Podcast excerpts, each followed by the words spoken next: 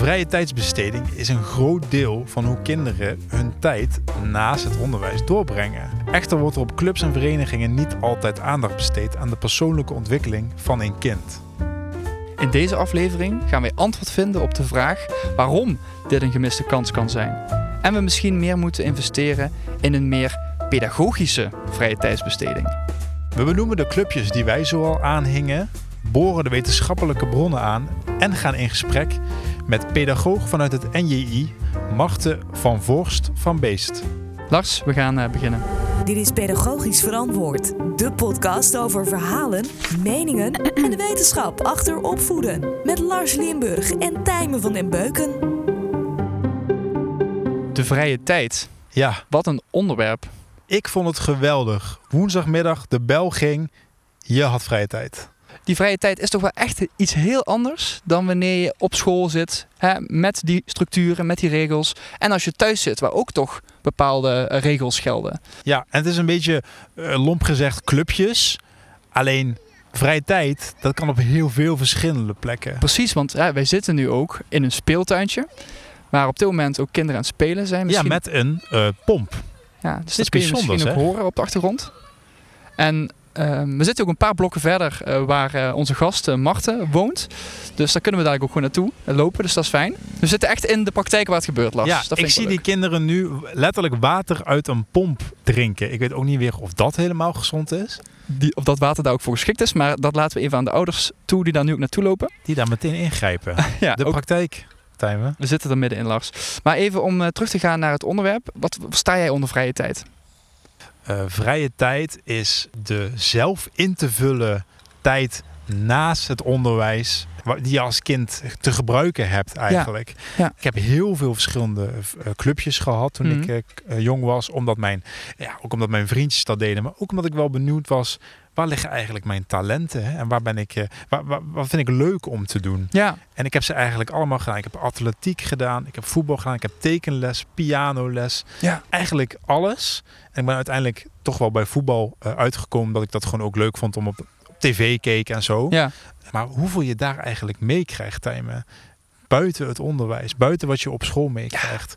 Dat is eigenlijk ongelooflijk. dat is gigantisch. En we willen ons nu ook wat gaan specialiseren op die mede-opvoeders daarin. Hè? Dus al die dingen die je net hebt genoemd, hè, waar jij allemaal lid van bent geweest. Daar waren ook allemaal mensen betrokken die jou iets leerden. Die jou eh, begeleiden. En wij vragen ons nu af, wat is hun taak? Is het wel goed wat zij doen op dit moment? Eh, of kan dat niet wat professioneler wellicht? Ja, Eh, exact. hoe heb jij dat toen ervaren? Als, eh, werd jij goed begeleid, gehoord of gezien door die mensen? Ik denk dat er bepaalde mensen waren die al eh, werkten in of het onderwijs of in eh, de jeugdhulp. Die een beetje meer feeling hadden daarvoor. Ja. Maar je had ook eh, sommige begeleiders, voetbaltrainers of eh piano-leraressen. Die gewoon dat helemaal niet aanvoelden. Ja. Die wilden eigenlijk alleen maar die vaardigheden overbrengen. Ja. Eh, Of die ik- wilden gewoon dat je team wint of zo? Precies. En daardoor wilde ik ook eh, na een tijdje ook niet meer naar, die, naar dat clubje toe. Eigenlijk. Ja, want ik zie ook, hè, eh, even gechargeerd, groot vooroordeel wellicht van mij, maar eh, ook vanuit mijn eigen ervaring, voetballen, zie ik toch weer heel veel schreeuwende mensen langs die lijn staan. Ja, het is nooit echt een soort van vredelievende sfeer hè, waarin dat gebeurt. Heb je daar last van gehad? Dat mensen zeggen, Lars, schiet op! Nou ja, ik was natuurlijk niet zo heel goed, dus dan eh, hoor, je, hoor je dat wel vaak inderdaad. Ja, dat, dus dat kun je niet echt als pedagogisch verantwoord. eh, Heb jij een clubje gehad waar je echt niet prettig voelde?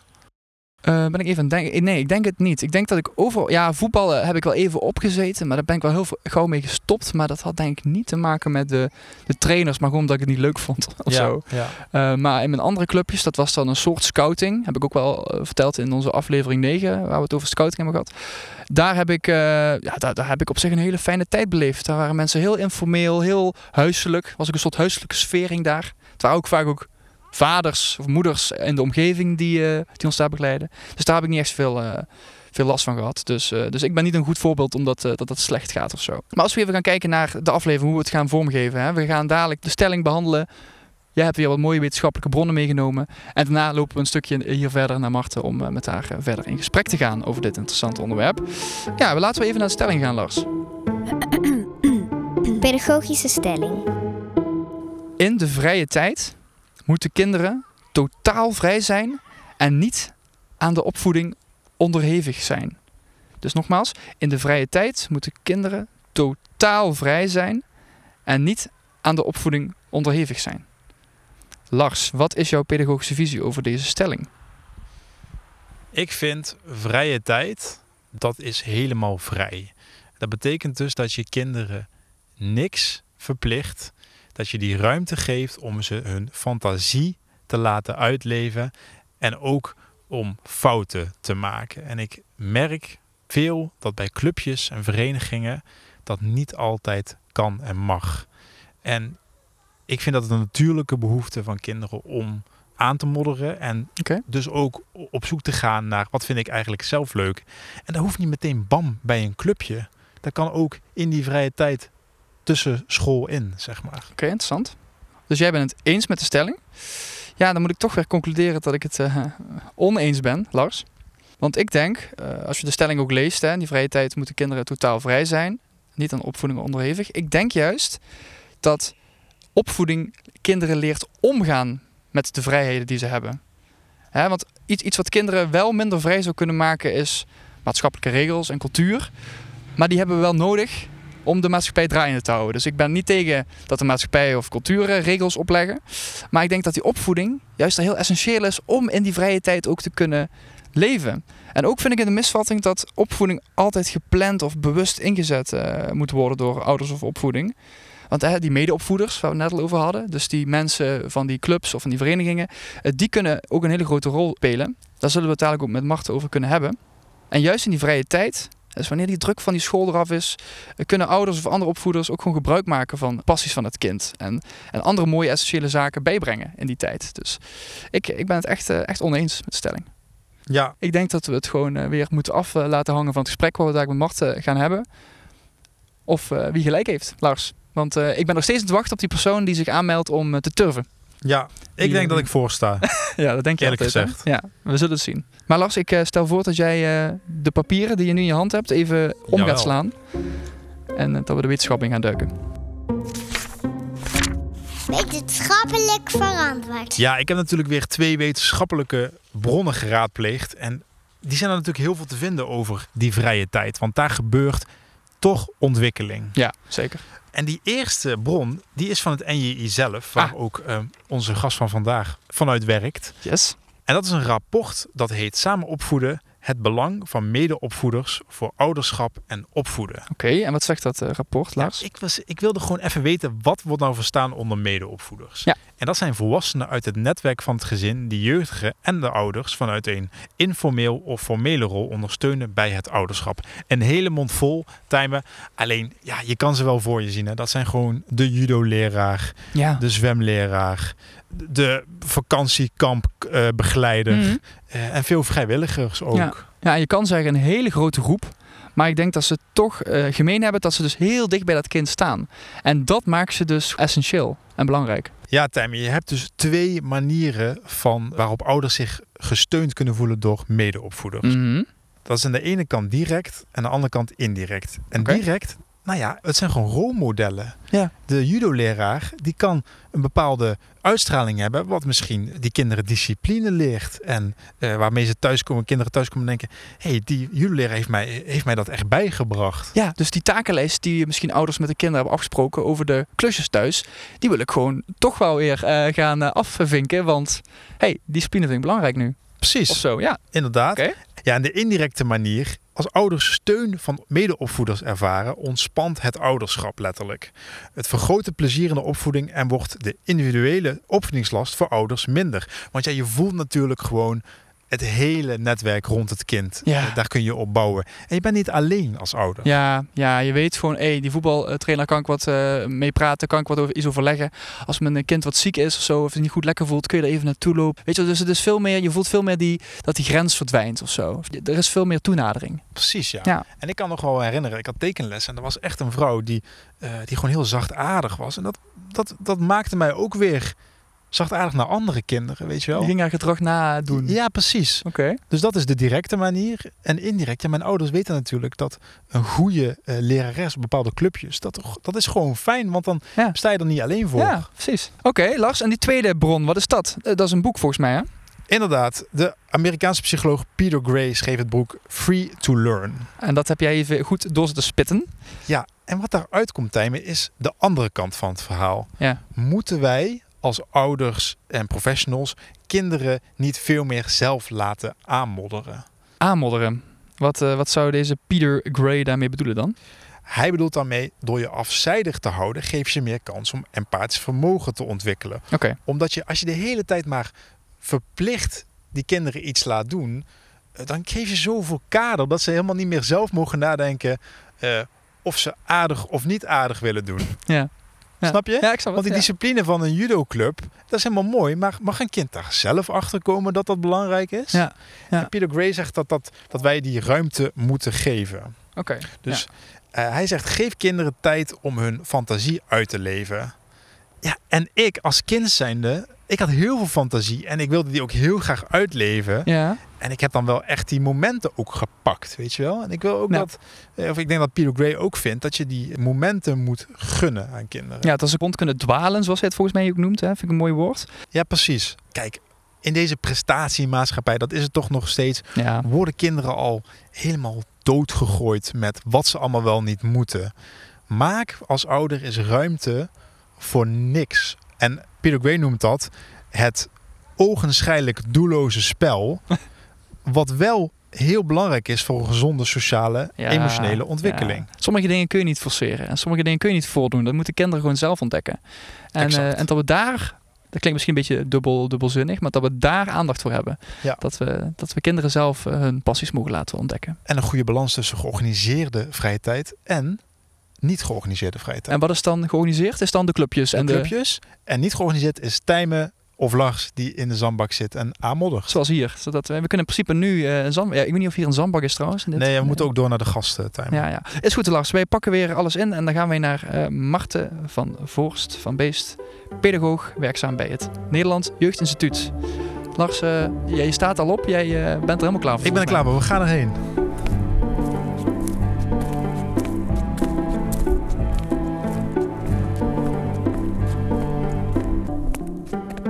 Deskundig verantwoord.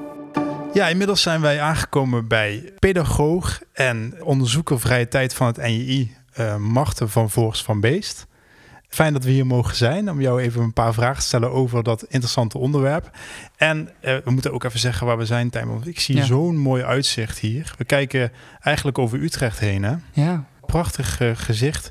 Eh Marten, we hebben het vandaag over vrije tijdsbesteding van kinderen.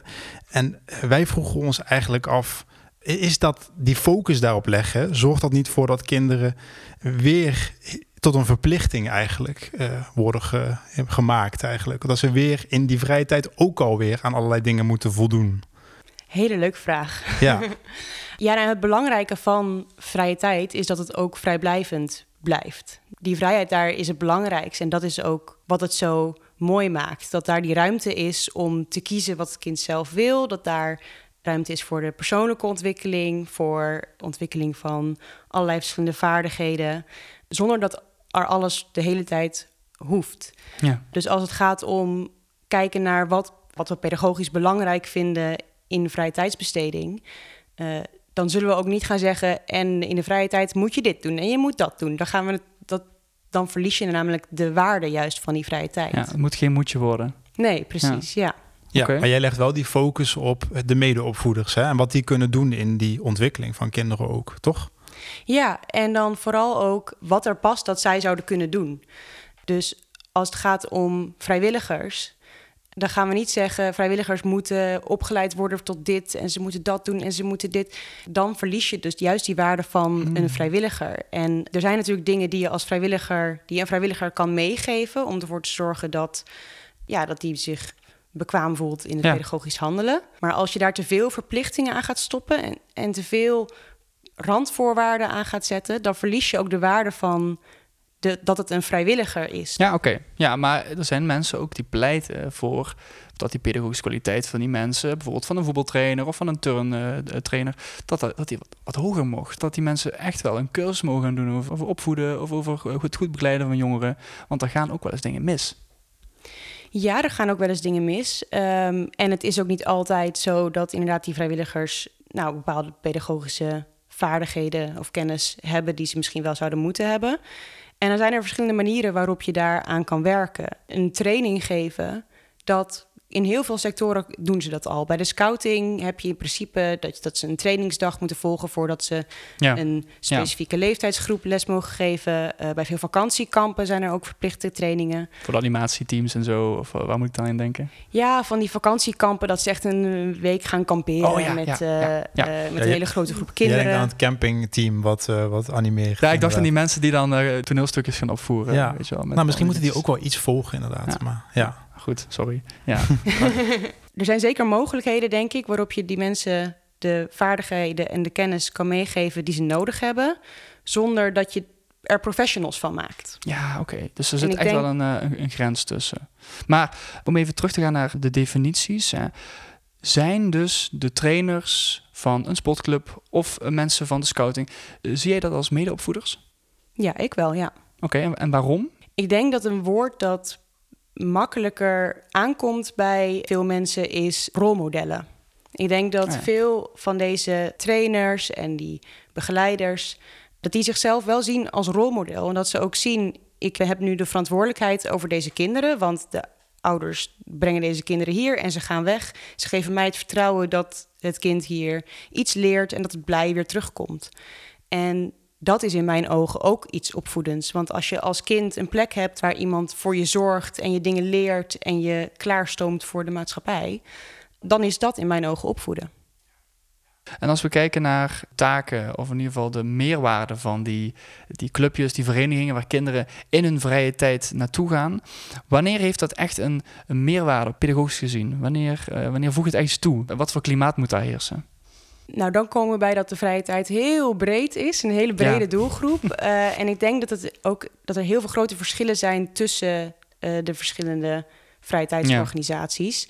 Wat je bijvoorbeeld ziet is dat bij kunst en cultuur, daarvan zeggen jongeren dat het heel fijn is dat daar mogelijkheden centraal staan, waar in veel andere delen van hun leven de onmogelijkheden centraal staan. Ja. Als het gaat om sport, dan zie je dat er heel veel aan zelfvertrouwen wordt bijgedragen en dat ze natuurlijk lichamelijk ook gezonder zijn omdat ze sporten. Bij scouting heb je echt zo'n gevoel van... dit zijn mijn vrienden voor het leven. En het kind dat dat nodig heeft, die dat daar kan halen... dat is dan echt een mooie toevoeging. En bijvoorbeeld wat je net zegt, kunst en cultuur, dan moet ik dan denken aan pianoles en dat soort... eh, Ja, of theater, Zaken. toneel, Oh, ja. schilderen, schilderles, ehm, muziek. Je bent ook echt gaan onderzoeken. hè? Je bent naar die plekken toegegaan. Die clubjes eigenlijk, die verenigingen. Wat trof je daar zoal aan eigenlijk? Wat ik veel zag, was wel dat mensen echt ook voor zichzelf zagen... en benoemden van, dit was voor mij als kind zo belangrijk... en nu mag ik het zelf ook teruggeven aan deze kinderen. Ze hadden het erover van ja, ik eh, had hier echt mijn vrienden en nu heb ik hier nog steeds mijn vrienden, want nu zijn we hier samen de begeleiders. Of ik heb hier echt geleerd om meer zelfvertrouwen te hebben en nu geef ik dat die kinderen ook mee.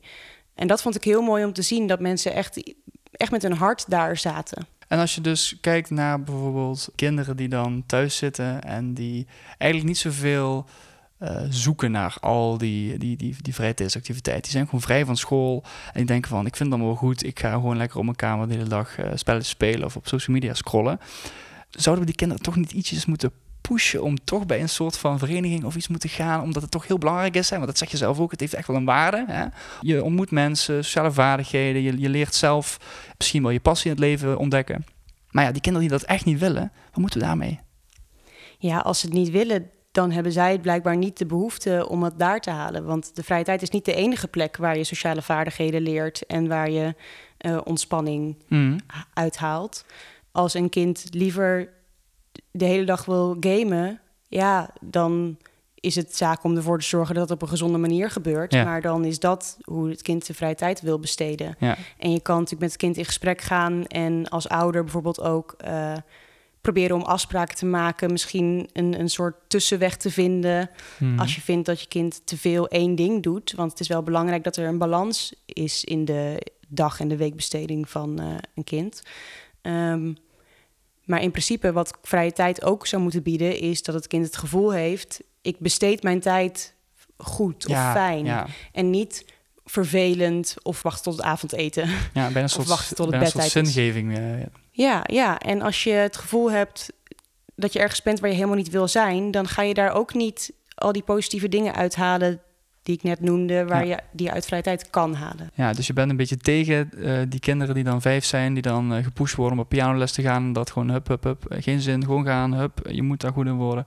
Dat zou je dus niet als het, het perfecte plaatje zien. Ligt eraan wat het kind zelf daarin wil.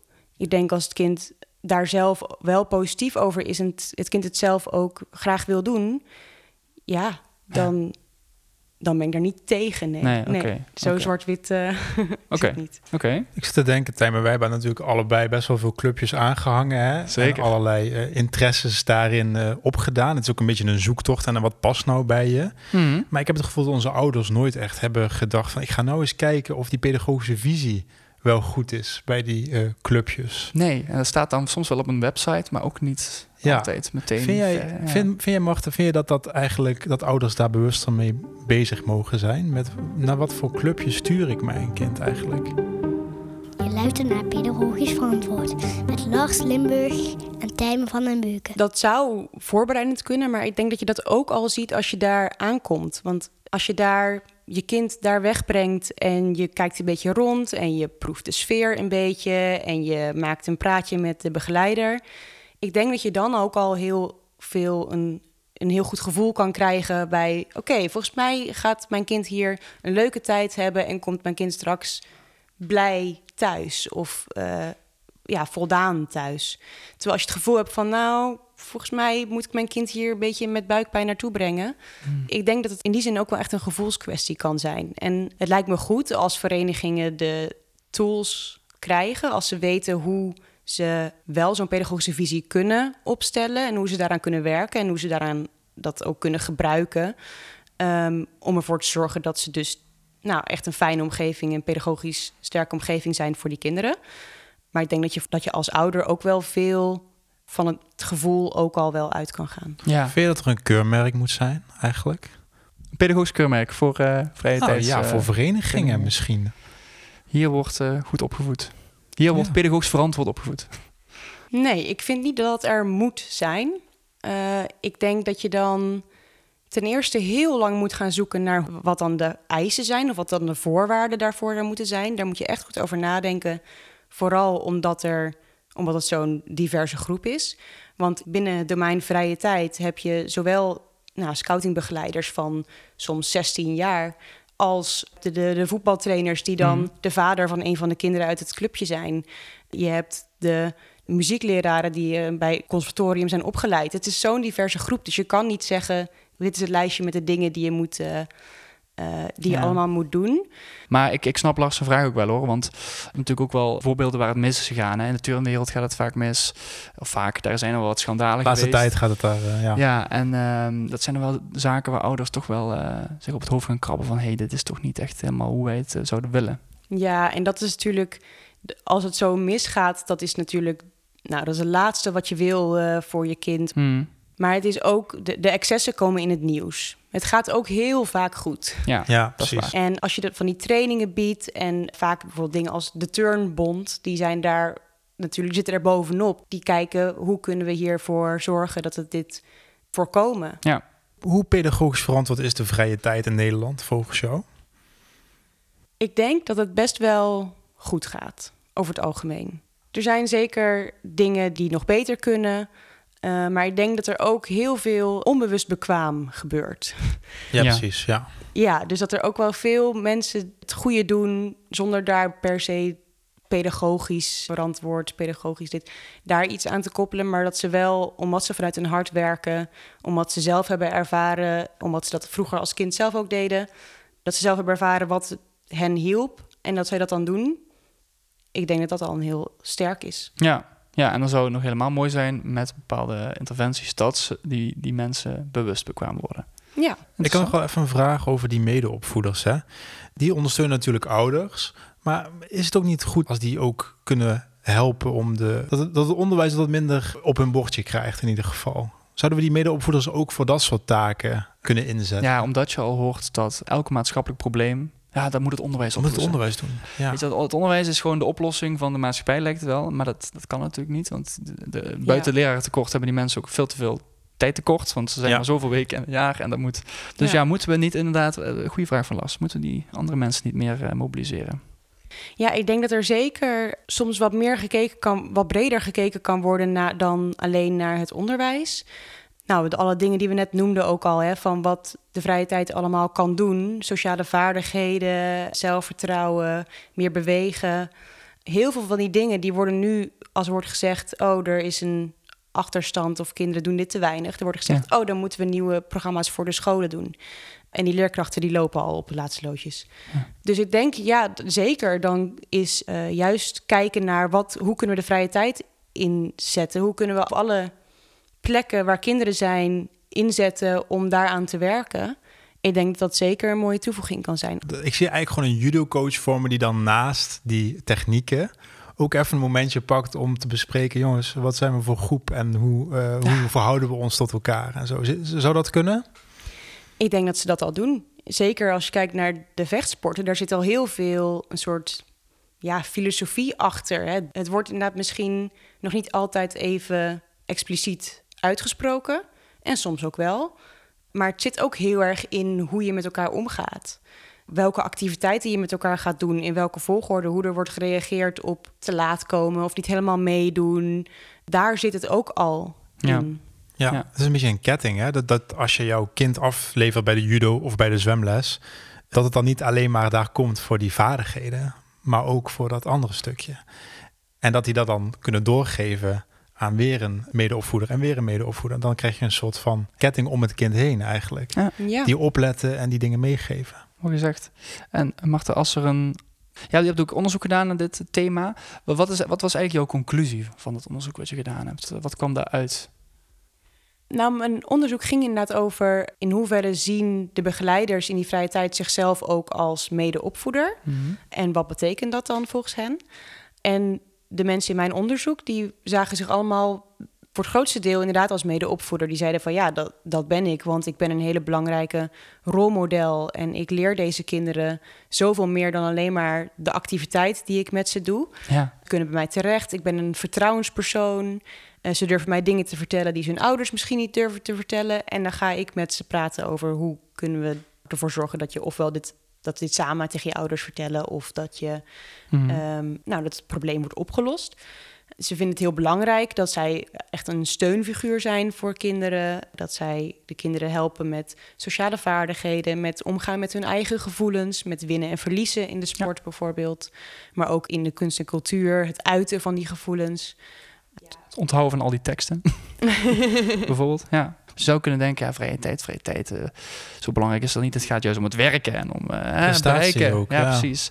Maar is, ik denk dat het wel goed is dat we hier even aan aan, eh, besteed hebben. Als we naar de toekomst kijken, hoe zie je het dan voor je? Zijn er bepaalde ontwikkelingen op dit gebied die we in de gaten moeten houden, waar we moeten letten? Of denk je van ja, het, het, het, het- zo gaat het gewoon en zo is het altijd al gegaan qua vrije tijd en qua verenigingen en clubs? Nou, ik denk dat er eh, nu steeds meer aandacht komt voor hoe belangrijk die vrije tijdsbesteding is. En dat is denk ik heel goed, want dat betekent dus ook dat er steeds meer van die kennis en vaardigheden waarvan je zou willen dat al die medeopvoeders dat hebben. Dat betekent ook dat er steeds meer mensen werken aan het toegankelijk maken van die kennis en vaardigheden.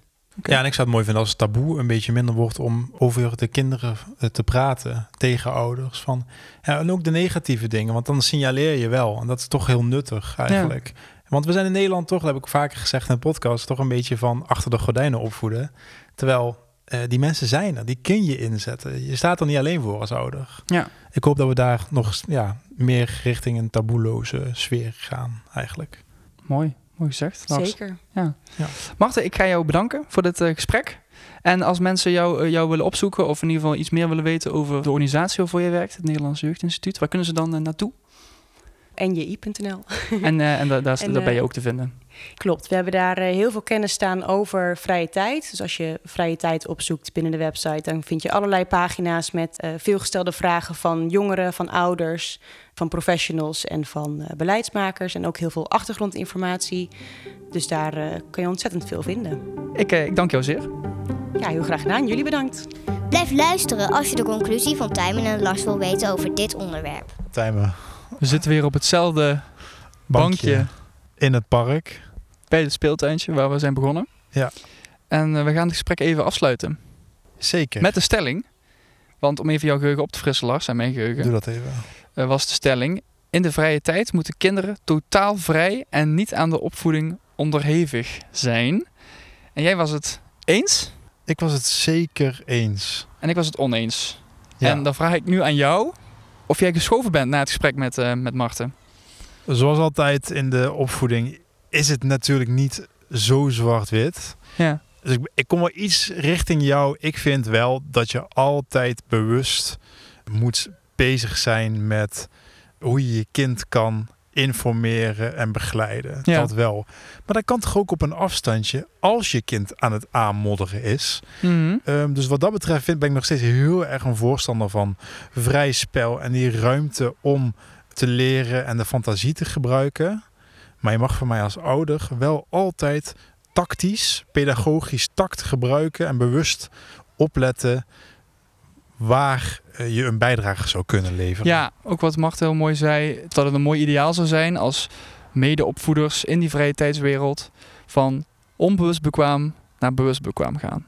Ja, Dat ja. vond ik echt een hele mooie conclusie van deze aflevering ook. Hè? Dat het gaat vaak wel goed, maar de dingen die we goed doen, daar zijn mensen nog vaak niet van bewust. En kunnen toch een beetje in kwaliteit stijgen als we daar ook bewust van worden. Als we toch een beetje die pedagogische kennis krijgen. Nou, en dan is Marten en jij, eh, of ja, jij was toch meer van de keurmerk en Marten niet. Maar dat we misschien, ja, toch dat die verenigingen toch meer gebruik moeten maken van al die stichtingen of organisaties die hun kunnen trainen in bepaalde dingen of zo. En dan niet, niet te heftig, hè? het moeten geen professionals worden. Want dat vond ik ook best wel een goeie. Het moet toch wel echt een vrijwilligersding worden. Echt een, een gemeenschap van mensen die elkaar helpt. Hè? Die vader, eh, die langs de lijn ook de trainer is van de voetbalclub, dat soort dingen. Dat moet natuurlijk ook gewoon blijven. Maar Tijmen, ik stel me nou even voor hè. Ja. Kleine Tijmen vroeger in de zandbak. Daar moesten toch niet allemaal mensen zich tegen aan gaan lopen bemoeien. Nou, in die situatie eh, niet. Want dan ben ik gewoon met vrij spel bezig. Ben ik gewoon een zandkasteel aan het bouwen of wat ik toen ook deed. Maar wanneer ik toch naar zo'n voetbalclub ga of wanneer ik eh, tennis of dan ben je toch met mensen bezig. Dan ben je toch met opvoeding bezig. Die mensen vormen je toch. Die stuur je aan. Je bent met z'n allen een soort van groep die ergens naartoe werkt. Naar een wedstrijd of iets dergelijks. En daar, daar komt toch pedagogiek bij kijken, Lars. Hoe je het ook wendt of keert. Ja, maar je mag ook een fout maken op het voetbalveld. Zeker. En zeker. dat is misschien, die ruimte is er misschien niet altijd. Zeker in die, hè, in die heel competitieve clubjes. Oh ja, maar dat, we kunnen daar ooit nog wel in de toekomst op ingaan. Op echt die vaders die naast... ik, ik zie dat even voor me. Ik chargeert zo'n vader die, of moeder die naast langs de lijn begint te schreeuwen van... Nee, Ja, eh, schiet nu! En weet je wel? En dat, Vooruit dat, met die knikker, zei mijn vader altijd. Ja, echt waar. ja, of dat misschien wat anders kan. Hè? Want als je over prestatie hebt, ja. Aan de andere kant zeggen ouders... Ja, maar die kinderen hebben dat nodig. Daardoor komen ze er. Ja. Maar ja, dan komt natuurlijk de prestatiemaatschappij weer in de vrije tijdswereld. Ik denk dat we toch een tweeledige conclusie kunnen trekken, Tijmen. Ja. Dat je in het, eh, in het vrije spel, hè, dus het, de ongeorganiseerde vrije tijd... Mhm. dat je als ouder gewoon bewust kan zijn van waar je wel en niet bijdraagt en Ja. begeleidt. Mhm. En dat je in de georganiseerde vrije tijd, zoals de clubjes, hè, jij eh, hebt wel clubjes gehad, neem ik aan. En ik heb op Ja. voetbal gezeten en op Ja. scouting. Ik heb het ook wel meegemaakt. Dat deze begeleiders gewoon medeopvoeders zijn. En dat we daar als ouders heel erg goed gebruik van kunnen maken. Ja. Dat is denk ik de conclusie die we vandaag kunnen trekken. Ja, mooi gezegd, Lars. En ik denk als onze luisteraars hier zelf nog iets over willen vertellen, dan kunnen ze ons altijd bereiken via onze social media kanalen. Ze kunnen ons een mailtje sturen, podcast.pedagogischverantwoord.nl. En eh, als jij een heel interessant pedagogisch thema hebt waarvan je denkt, hé, hey, dat moeten die jongens echt gaan behandelen. Ja, of een vraagstuk uit de praktijk, hè, van je eigen opvoedingspraktijk. Ja, allemaal doorsturen en dan eh, kunnen we er wellicht iets mee doen. En tot die tijd eh, blijf alsjeblieft zoveel mogelijk. Pedagogisch verantwoord. Tot de volgende keer.